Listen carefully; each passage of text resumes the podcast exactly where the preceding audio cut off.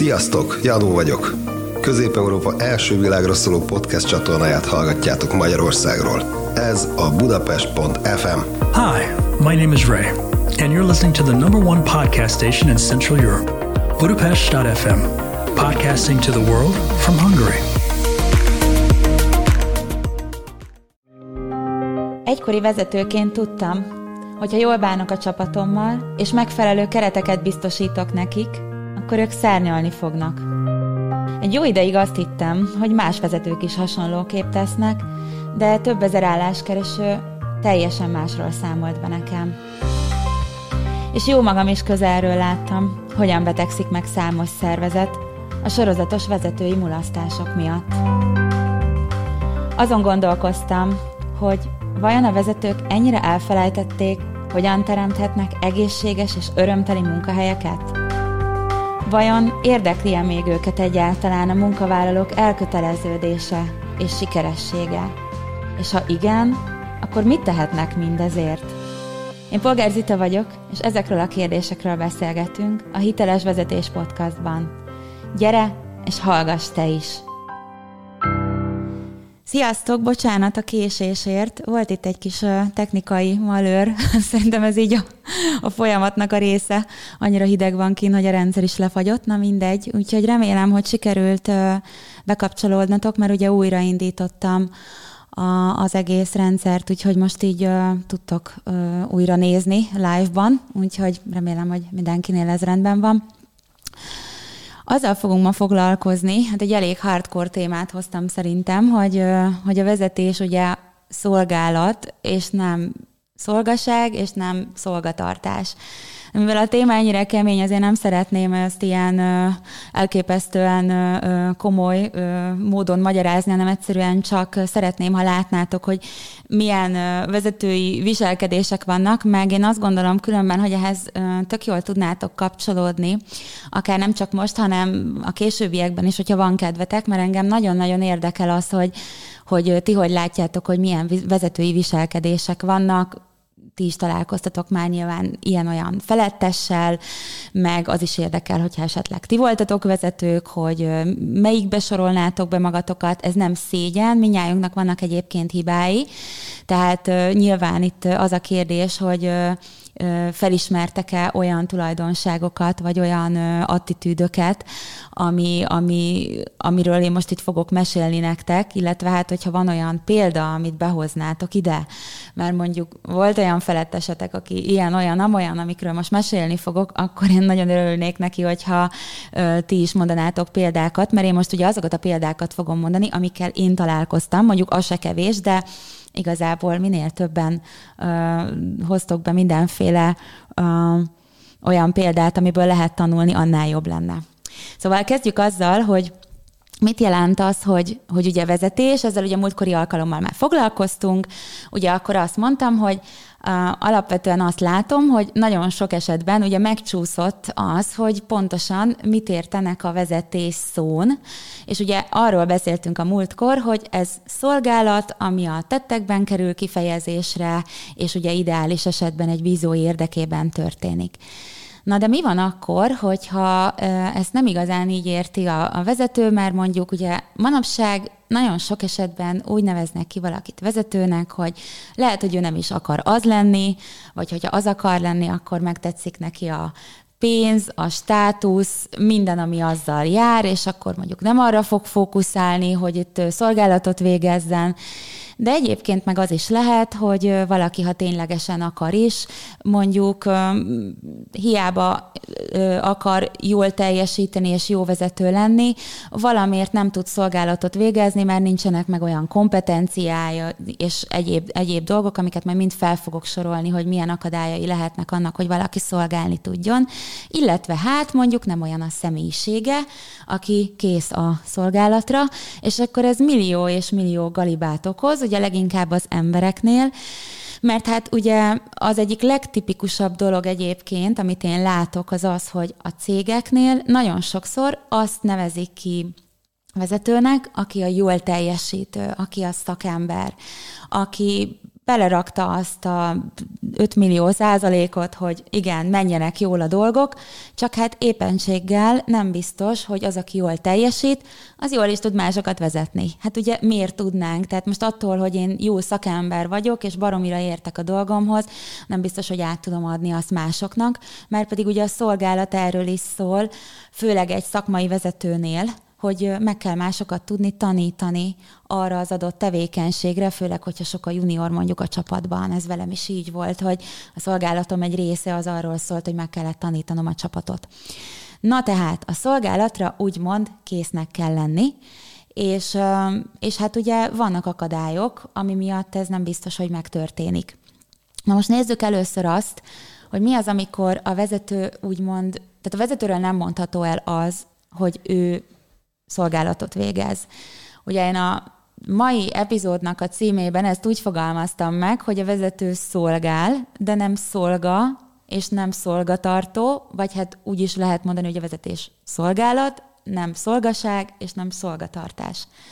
Most nézzük ezt a keményebb részt, ami ugye a szolgatartó vezetőről szól, ami igazából sajnos azt kell, hogy mondjam, hogy manapság nem is olyan ö, ritka, hiszen ugye nagyon sokszor meséltem már nektek arról, hogy volt egy olyan érzésem, hogy egy csomó vezető esetében azt láttam, hogy ők eszközként használják az embereket, és hogy nem is igazán az emberi tényező ezeknek a vezetőknek a fontos, hanem az, hogy, hogy ők teljesítsék a számokat, hozzanak minden célt, legyen több lóvé, legyen több nem tudom micsoda, termék, szolgáltatás, stb.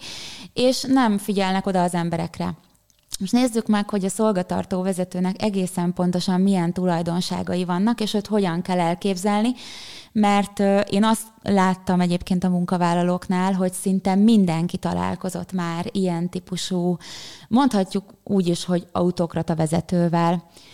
Most az, akit én szolgatartó vezetőnek hívok, az, az az, akinek elég torz elképzelései vannak különben a vezetésről, és ő az, akinek tulajdonképpen onnan ismeritek fel, hogy a motivációja az az lesz, hogy valami öncélú dolgot elérjen. Tehát meg legyen a hatalma, a státuszszerzés, a birodalomépítés, a személyi státusz, a személyi dolgok körül forog nagyon sokszor ennek a vezetőnek a, a, a gondolatmenete.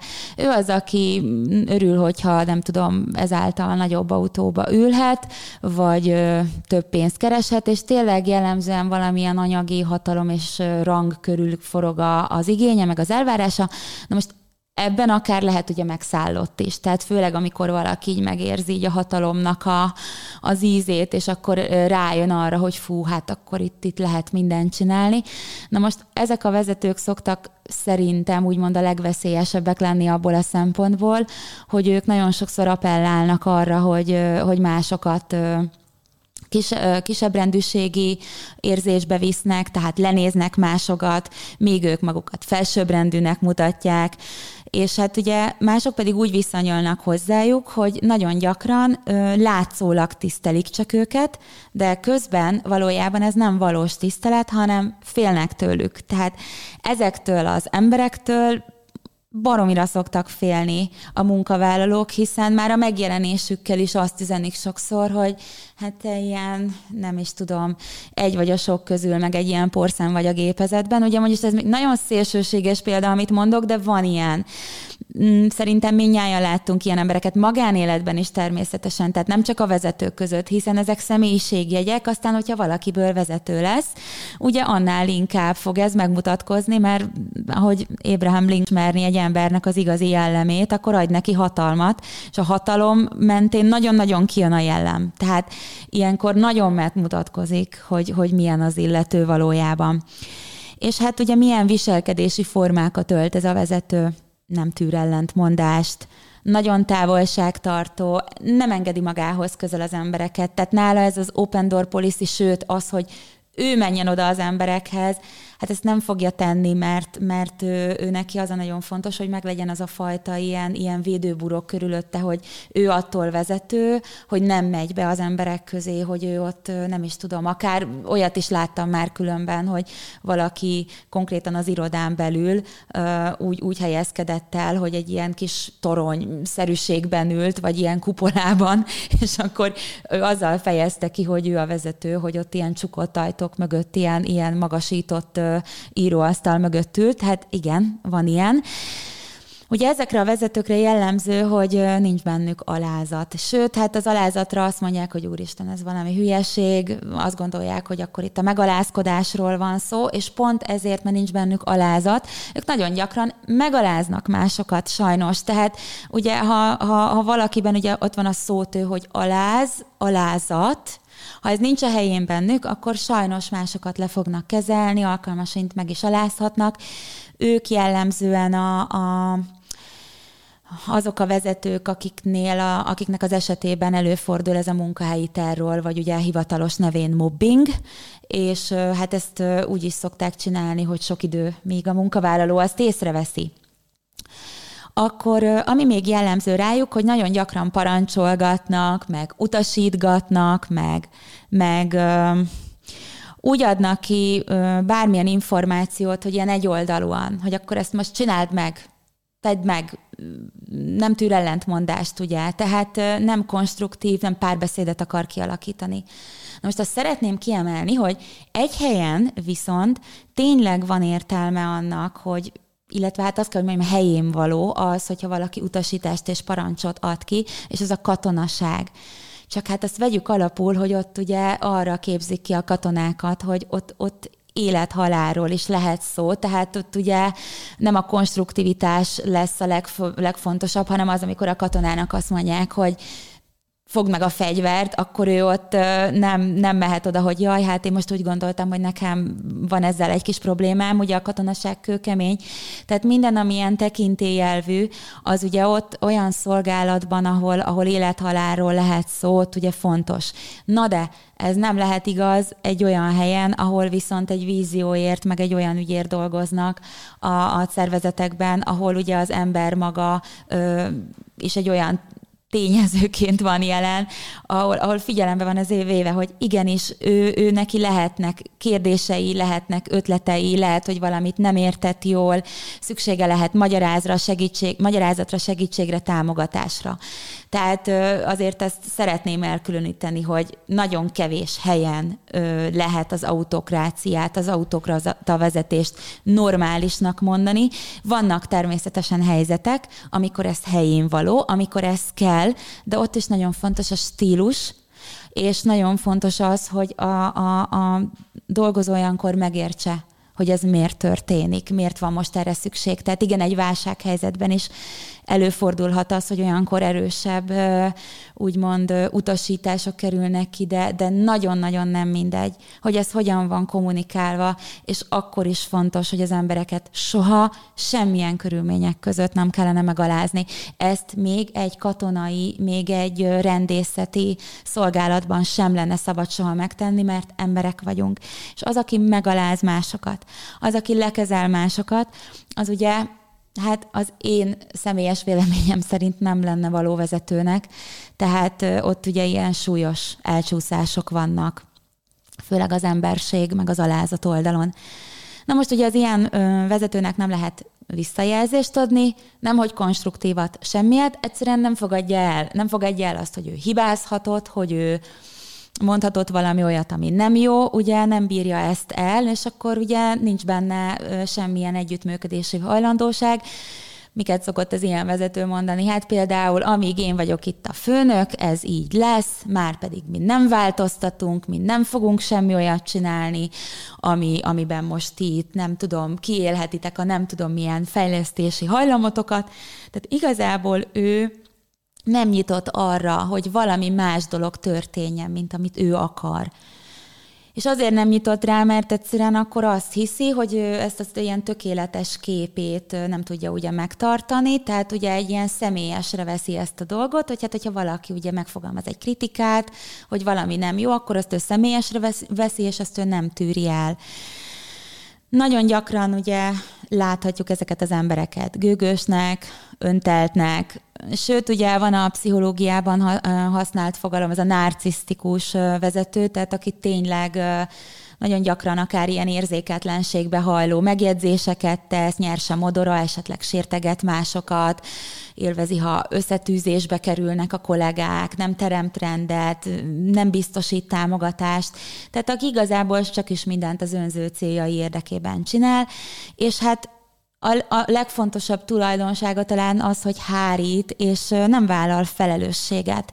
Tehát amikor, amikor valaki esetleg, ne adj Isten, az ilyen embereknek egyébként eleve nehéz visszajelzést adni, ugye ezt mondtam, mégis kap valami visszajelzést, akkor el fogja mondani, hogy hát ez nem lehet az ő hibája, ez csak is kizárólag a te hibád lehet, el fogja mondani, hogy neki ehhez semmi köze, meg miért kérsz a segítséget egyáltalán, hát neked az lenne a dolgot, hogy tedd, amit kell, megcsináld a munkádat, és ruszpasz.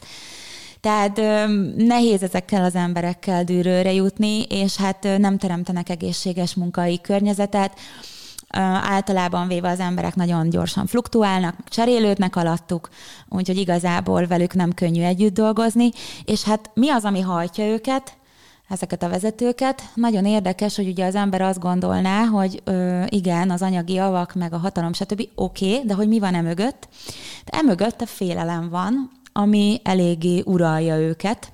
Ugyanis mitől félnek? Ugye, hát attól félnek, hogy van egy önmagukról kialakított képük, hogy ők mondjuk tökéletesek, és ezzel ők viszont valójában nincsenek békében, tehát belül ők azt az én képet, amit felépítettek, erről ők is valahol nagyon-nagyon-nagyon mélyen tudják, hogy ez hamis, mégis rettegnek, hogy ez kiderül. Tehát fölépítik ezt a tökéletes képet magukról, és ugye bármi, ami kívülről jön, és ezt megkérdőjelezi, hogy ők mondjuk tökéletesek lennének, vagy annyira csodálatosak, felsőbbrendűek, mint ahogy azt ők gondolják, vagy szeretnék gondolni, az onnantól kezdve elkezdenek védekezni. És ugye a védekező mechanizmusok azok, amik utána ilyen nyers beszólogatásokban, meg olyan dolgokban nyilvánul meg, ami ugye megalázó lehet a munkavállalónak.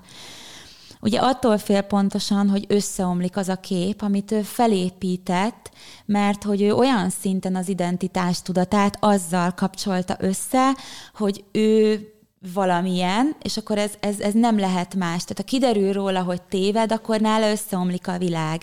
És akkor valószínűleg átmegy támadásba.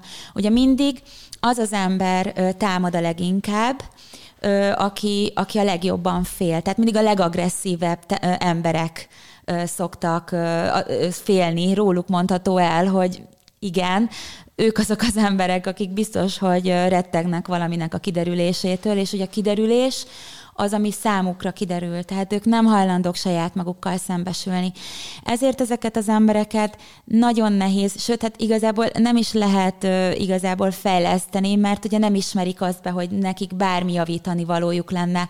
Ezért ők az önismeretet nem fogják uh, fontosnak tartani, ők nem fognak elmenni uh, olyan uh, tréningekre, vagy olyan mentorálásra, vagy bármilyen coaching sessionre, ahol, ahol ők uh, önmaguk magukat akarják fejleszteni. Ha fejleszteni akarják, akkor az valami hogyan és mitől vagyok én még csodálatosabb vezető című ö, ö, fejlesztési kurzus lesz, tehát ahol ugye még inkább ezt a képet erősíthetik. A szembenézés általában véve nekik nem megy.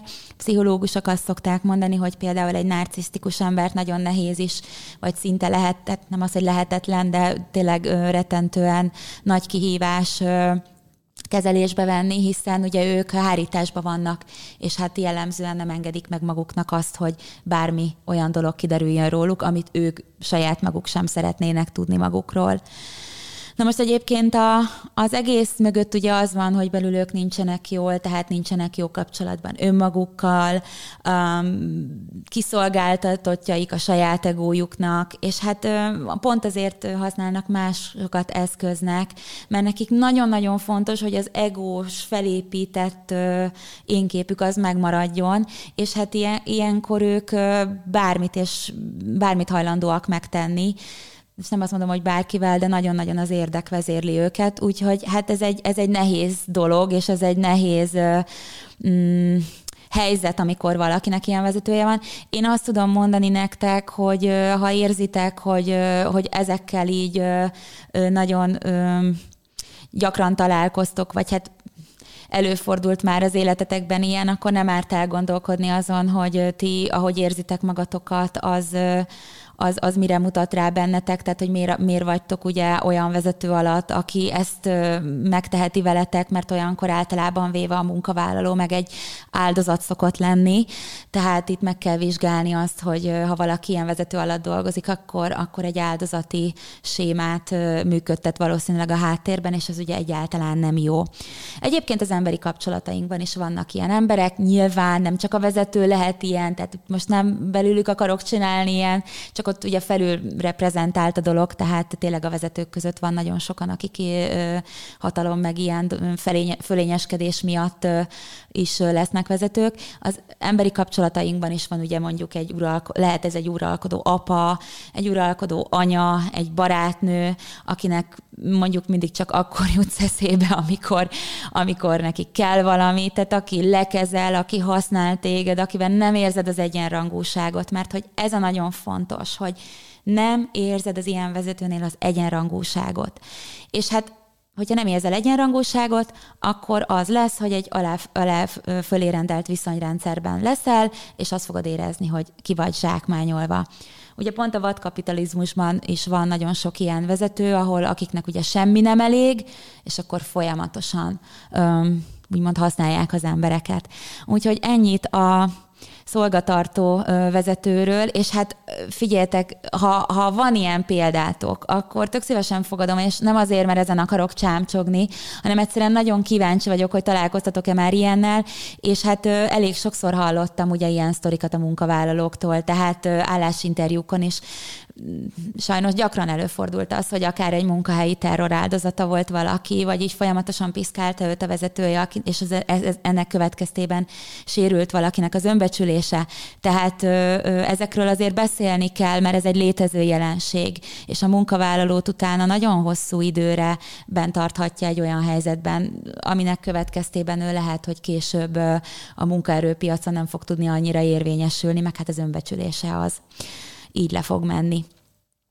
Akkor ugye nézzük most azt, aki úgymond a szolgavezető, aki meg a másik véglet, mert hogy mit jelent a szolgaság, pontosan azt, hogy amire, amivel kifejezem, hogy szol, szolgálja lesz az embereknek. Tehát ő az, aki úgymond így bemegy az emberei alá. Ő az, akinek körülbelül ilyen motivációi vannak, hogy hát legyen béke, meg mindenkinek meg akar felelni, igazából neki jellemzően nincs is tekintéje. Félni biztos, hogy nem félnek tőle, mert olyan kvázi akár, mint egy barát, tehát ö, azt érezheti az ember, hogy ő megközelíthető, szívesen kérdeznek tőle az emberek, stb. Csak éppenséggel lehet, hogy nem látszik nála, hogy ő a vezető, mert, mert ilyen szolga, ilyen behódoló minőségben van. Például mit jelent ez? Túl megengedő, nem is igazán ad elvárásokat, hanem inkább ö, ö, csak ilyen félve kér, túl alkalmazkodó. Láttam már olyan vezetőt, aki ezzel a minőséggel például javítgatta az embereknek a hibáit, mert nem mert nekik szólni, hogy figyeljetek, most ez a hiba, ezt kellene fejleszteni, kérlek, próbáld meg jobban csinálni, vagy gyere mondd el, hogy akkor hogyan tudnád jobban ő az, aki nem fog igazából számon kérni, és akár negatív visszajelzést is nagyon-nagyon nehezen ad. Azért ne ijedjetek meg, nem feltétlenül hódoltok be, hogyha nem mertek adni negatív visszajelzést, csak ő az, aki így folyamatosan meg akar felelni mindenkinek. Ilyen kis kéztördelő, aki úgy, úgy nehezen ö, ö, fejez ki bármi olyan dolgot, ami, ami mondjuk arról szól, hogy valakinek meg kell csinálni valamit. Na puskázok, hogy még milyen viselkedések a jellemzőek rá.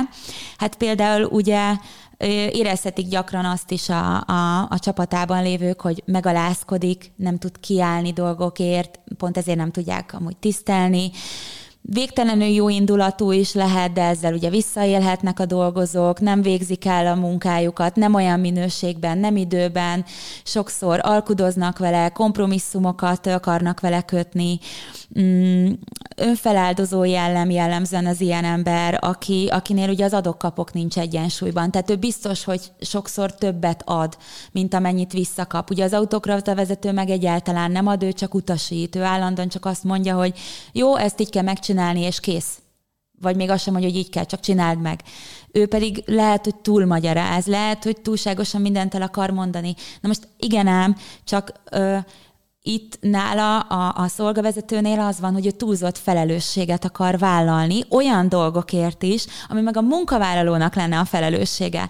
Tehát mondjuk, ha valaki nem csinál meg valamit, akkor, akkor nem az a helyes út nyilván, hogy ő azt befejezze helyettük, ö, hanem, hanem az, hogy oda megy, és elmondja, hogy figyelj ide, ezt most nem csináltad meg, kérlek mondd el, hogy miért, mi ennek az oka, tudunk-e valamit változtatni rajta, én tudok -e ehhez valamit hozzájárulni, te hogy fogod ezt megváltoztatni ezen túl. Tehát itt nyilván ő ezekkel az eszközökkel azért nem rendelkezik, mert, mert szintén tart attól, hogy, hogy mondjuk nem lesz elég. Tehát miközben az autokrata attól tart, hogy, hogy az, az a tökéletes én képe összeomlik, ő ez a meg akarok felelni. Tehát a szolgavezető mindig ez a meg akarok felelni, és hát be fogok hódolni teljes mértékben a csapatnak. Ez a, ez a típusú működés van mögötte. Na most, hogy mi itt a hajtóerő, ugye mögöttes, hát ö, itt is van nyilván egy félelem, de leginkább én azt vettem észre, hogy, hogy és ez az én meglátásom, tehát ez most nem egy ilyen pszichológiai műsor nyilván, hogy, hogy, hogy ez biztos, hogy így de én nagyon sokszor azt láttam meg, hogy ezek az emberek úgy működnek, mint a bűntudatok lenne, hogy, hogy jaj, nehogy, nehogy hibáztasson engem a másik, tehát hogy, hogy van egy ilyen félsz bennük azzal kapcsolatban, hogy azért, pont azért akarnak megfelelni, mert, mert, mert szeretnének mindenkivel jót tenni, és ezt általában véve valamilyen rossz tudatállapot, tehát ilyen bűntudat, féleség szokta uralni, én ezt figyeltem meg, önmagáról gyakran úgy véli az ilyen ember, hogy ő, ő nem elég, ő kicsinek érzi magát, ő, ő nem is biztos, hogy méltó arra, hogy vezető legyen, ő csak így ki lett nevezve, vagy neki ez csak így összejött, ő nem akart az lenni, vagy ha akart is az lenni, valahogy nem bír ezzel azonosulni, nem bírja az ezzel járó, jó értelembe vett tekintét, és az az a járó dolgokat vinni, mert valahogy nem bír kilépni ugye abból a szerepből, ami ez a megalázkodás, illetve hát tényleg valószínűleg belül nem is birkózik meg ezzel a tudattal, hogy ő vezető. Na most szintén van az emberi kapcsolatunkban is ö, ilyen ember, önfeláldozó anya, apa, ja, én mindent értett teszek, egy barát, aki esetleg soha nem mer kérni semmit, de mindig mindent megcsinál. Ők azok a tipikus jó emberek, csak ők azok, akik meg ugye általában véve pont az adok-kapok egyensúlytalansága miatt nem érzik jól magukat, nem mernek kérni, és hát azért ilyenkor mindig ugye ahhoz vezet, hogy az illetőnek lesz valami előbb-utóbb problémája az emberi kapcsolataiban. Ő az, aki úgy érzi, hogy gyakran kihasználják. Engem mindig mindenki kihasznál. Na most ugye vezetőként főleg nagy probléma, hogyha valakit kihasználnak, hiszen akkor akár lehet, hogy olyan embereket is bent tart a rendszerben, akik nem dolgoznak, mégis ad nekik ugye érte fizetést, mégis ugye ad lehetőséget, és hát nagyon gyakran ezek az emberek nem is tudnak elbocsátani másokat, fegyelmezni sem, elbocsátani sem, Úgyhogy azért ez okoz nyilván sok problémát, tehát alattuk nagyon sokszor szétsúszik teljesen a, a, a vállalat, vagy hát nem tudnak profitábilisan működtetni egy, egy céget vagy egy szervezeti egységet. Ugye itt sincs egyenrangúság, itt is alá fölé rendelt viszony van, csak míg az autokrata vezetőnél ugye a vezető a fölé rendelt, itt a vezető, a szolgavezetőnél ő az alárendelt ö, szerepű ember, tehát ő az, aki bemegy a többiek alá, és hát biztos, hogy gyakran nagyon fél is attól, hogy úristen elmennek az emberek, akkor ő biztos kiderül, hogy rossz vezető volt, miközben ugye itt arról van szó, hogy ezt ő engedi meg, tehát hogy, hogy ő hagyja magát kihasználni, és akkor még a végén egyébként persze lehet, hogy ott is hagyják az emberek. Szóval ez azért egy nehéz dolog, és én azt gondolom, hogy, hogy mind a kettő esetben az egyensúlytalansága nagyon nagy probléma, meg az, hogy olyankor nem lehet vezetésről beszélni az egyik esetben sem, amikor vagy ez a szolgaság, vagy pedig, vagy pedig az autokrácia van jelen, hiszen ott az ember mindig azt fogja érezni, hogy valami hiányzik neki. Ugye az egyikben a törődés, a másikban az, hogy tényleg legyen egy iránymutatás, legyen egy jó számonkérés, egy, egy stabil rendszer. Ugye kellenek az erős vezetők, de nem az erőszakosak, és nem az erőtlenek. Úgyhogy hát igen, lehet ezen gondolkozni. Nagyon kíváncsi lennék a példáitokra, hogy miket hoztok be, mert szerintem nagyon-nagyon sokféle ö, ilyen vezetővel lehet találkozni, és hát ugye ö, manapság kevesebb a szolgálatot végző vezető, és akkor ugye ő lenne az, aki egy egyensúlyi állapotot tart fenn, mert hogy ő az, aki biztosan ö, az adok-kapok egyensúlyát úgy működteti, ahogy azt kell. Tehát ő lehet, hogy az elején beletesz mondjuk többet, de akkor nyilván az a több előbb-utóbb meg fog térülni a munkavállalók részéről is. Ő az, aki ad is, de kér is, és ő az, akihez a legszívesebben kapcsolódnak és csatlakoznak az emberek, őt követik szívesen, az irányába vannak nagyon elköteleződve. Na most a magyar nyelv, vagy a magyar értelmező kéziszótárból kivettem azt a szót, vagy megnéztem azt a szót, hogy mit jelent, vagy hogyan van az megfogalmazva, hogy mi a szolgálat, úgyhogy ezt felolvasom nektek. A szolgálat az valakinek, illetve valamely közösségnek, intézménynek, ügynek a javára, támogatására folytatott, valaminek a megvalósítását, sikerét elősegítő tevékenység. Úgyhogy ha ezt megfigyeljük, akkor ugye benne van az, hogy ügy, támogatás, megvalósítás, sikert elősegítő tevékenység. Tehát nagyon fontos, hogy tettekről van szó. A szolgálat az, hogy cselekszem, hogy csinálom. És hogy miért csinálom? Azért, mert van egy ügy, ugye erről már volt szó a, az előző alkalommal, hogy van egy ügyem, ami számomra fontos, ezt hívom víziónak. És ahhoz, hogy én ezt elérjem, másokat is érdekelté teszek benne, és úgy teszem érdekelt, hogy felelkesítem őket, hogy, hogy megláttatom velük, hogy ha azt elérjük, az mennyire jó lesz. Ugye itt volt egy múltkor egy kérdező, aki a, a vízió kapcsán szerette volna tudni, hogy hogy lehet lelkesíteni embereket, majd erről is lesz szó, nem ebben az adásban, de már most szeretném azt kihangsúlyozni, hogy fel kell tudni az embereket lelkesíteni. Ugye Exupérinek van az a gondolata, most nem biztos, hogy pontosan fogom idézni, hogy ha, ha, ha az embereket ö, ö, hajóra akarod tenni, akkor, akkor ne eszközöket ö, ö, adja kezükbe, tehát ha azt akarod, hogy hajót építsenek, akkor ne szerszámokat adj oda nekik, hanem kelts fel bennük a vágyat a végtelen tenger iránt. És ez tényleg így van, hogy bár nyilván eszközöket is a kezükbe kell adni, tehát itt nem csak a, az van, hogy akkor vágyakozunk közösen valami iránt, aztán nem teszünk semmit, de hogy nagyon fontos az, hogy fel kell tudni az embereket lelkesíteni, és ez már a szolgálat része. És ami még fontos, hogy a szolgálatban nem csak azáltal keltem fel a lelkesedés, hogy kifizetem őket. Tehát, hogy a pénz.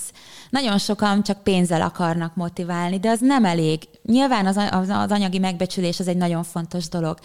De hogy amikor a vízióhoz valaki belülről kapcsolódik, tehát azt mondom, úristen, ez mennyire jó, így én ezt mennyire szívesen követném, akkor az egy egészen más típusú hozzáállást fog hozni a, a munkavállaló részéről. Hát én is, figyeljetek, emlékszem arra, amikor a csapatomnak nem, tudtam, nem tudtam olyan bért adni, mint a konkurencia, és mégis maradtak, mert egyszerűen szerették a víziót, szívesen csinálták, ők ezzel tudtak azonosulni, hogy az emberközpontú toborzás, és, és, és tudom nagyon jól, hogy még ha anyagilag is nem tudtam nekik ugye olyan annyi, annyi pénzt adni, ők nagyon-nagyon szívesen csinálták azt, amit csináltak. Ugye erről meg volt szó az előző alkalommal, hogy az emberek akár a bérük egy részéről lemondanának akkor, hogyha szolgálatkész vezetőjük lenne, aki törődik velük, aki, aki a tetteivel kifejez, hogy igen, mi most együtt megyünk, és akkor ebben hogy tudlak benneteket segíteni.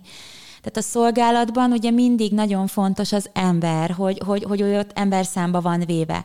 Mert mindazokat, akik az ügyért dolgoznak, azokat kell a vezetőnek támogatnia abban, hogy ők azt elérhessék. És hát ugye a tettek azok, azok én, én azt gondolom, nagyon sokfélék lehetnek, és erről valami sok időt lehetne beszélgetni, hogy, hogy mit jelentenek a tettek. De én a magam részéről igazából a szolgálatot egyfajta képessé és lehetővé tételnek szoktam értelmezni. Tehát az a jó a vezetésben, amikor a munkavállaló úgy érzi, hogy ő ezáltal több is lesz, hogy ő ezt meg tudja csinálni, hogy úristen, én erre is képes vagyok. És akkor ez az igazi szolgálat, amikor ugye hát az embereket felemeljük. Tehát ugye, ahogy a hitvallásom is szólt erről, hogy szárnyalni csak másokat emelve lehet, hogy pontosan ez a szolgálat, hogy az emberek a, a már a vízió elérése közben is úgy érzik, hogy többek lesznek általa, hogy valamit ezáltal ők is fejlődnek.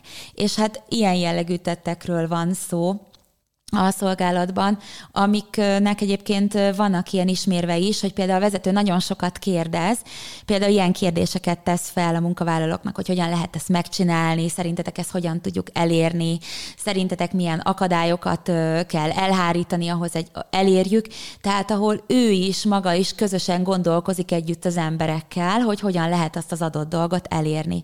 És a szolgálat attól szép, hogy a vezetőnek kevésbé van ilyen vezetői magánya, mert hát ugye akkor ő, a, a, hogyha szolgál, akkor igazából azt fog érezni, hogy egyszerűen nincs egyedül.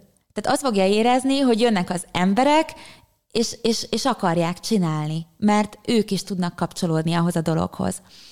Én ezt úgy fogalmaztam meg, hogy a szolgálat az mindig felemel, és az mindig ad és akkor is ad, amikor éppen valami hiba van. Akkor is ad, amikor mondjuk valaki rossz fát tett a tűzre. Tehát mindig, mindig ad a munkavállalónak olyan szempontból lehetőséget, hogy ő aztán egy jobb emberré válhasson, egy jobb munkavállalóvá, egy képes valakivé a folyamat közben. És hát a másik kettő viszont, ugye az autokrácia, tehát ahol ilyen szolgatartás van, vagy pedig a, a szolgaság az pedig mindig elvesz. Az csak elvesz a vezetőktől, vagy bocsánat, az csak elvesz az emberektől, és hát ez innentől kezdve ö, ugye egy olyan táptalajt jelent, ahol, ahol az emberek azt fogják érezni, hogy hát én ettől nem leszek több, maximum több pénzt keresek, de igazából miért csináljam ezt az egészet?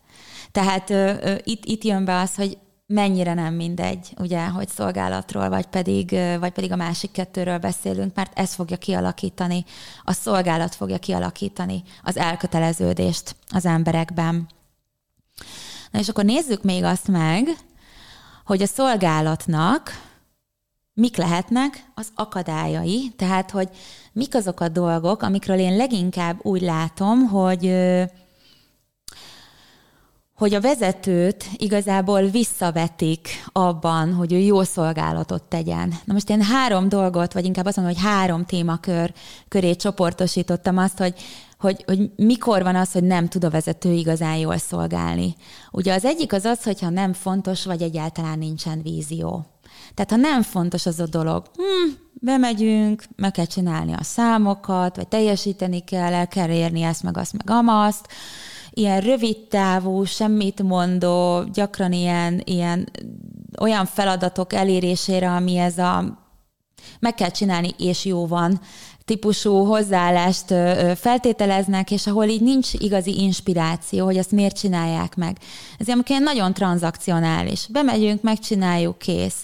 Nincs egy ügy, ami felé mehetünk, és, és közösen haladhatunk. Tehát a szolgálatot mindig azt tud végezni, akinek van egy jó ügye. És ez a jó ügy, ez ugye nem kell, hogy nagy dolog legyen. De az legyen valami, ami előremutató. Plusz azt figyeltem meg, hogy ha nincsen egy jó vízió, tehát azoknál a cégeknél, ahol így nincs vízió, csak csináljuk ét nap alá téve és hajtjuk magunkat, ott fognak a legtöbben kiégni. A vezető is, és a munkavállaló is. Tehát, hogyha nincs igazán értelme, úgymond a vezetői munkának, akkor a vezető is ki fog égni, és a vezető kiég, ki fog égni a csapata. A csapat mindig tükre a vezetőnek. Úgyhogy ezen is el kell gondolkozni, hogy hogy nem ártana a szervezeteknek víziót, tehát hogy mindig azt kérdezni a, a vezetőktől, akár középszinten is, minden szinten, teamleadereknél, csoportvezetőknél, mi a víziód, mit mondasz az embereknek, miért csinálják meg, azon túl, hogy bejönnek ide és megkapják a fizetésüket. Nagyon fontos lenne. Kettő, nem fontos az ember. Nem fontos az ember, a munkavállaló, akkor nem lehet fontos igazán az ügy sem, vagy hát az ügy, ügy fontos csak, bocsánat, akkor ugye lehet olyan, hogy abban az ember eszköz lesz, viszont abban meg kvázi belepusztulnak az emberek. Tehát fontos, hogy az ember is számítson az egészben. Ugye ez körülbelül az a kategória, hogy szokta egy kedves barátom hívni, úgyhogy zsoldosok vagyunk. Tehát, hogy igen, bemegyünk, megkapjuk a fizetésünket, de aztán vagy elveszünk a háborúba, vagy nem. Na most innentől kezdve, hogyha valaki így érzi magát, nem fog tudni jól kapcsolódni egy ügyhöz. Tehát a, nagyon fontos, hogy a szolgálat az azt jelenti, hogy fontos nekem az ember is, fontos az ügyem is, és akkor a kettőt együtt összehangolom. Segítem az embereket, hogy elérjék az ügyet. És akkor a harmadik tényező, ami pedig a vezető ö, személyes működéséből fakad, és akadályozhatja a szolgálatot, az, az igazából a vezetőnek a saját korlátai.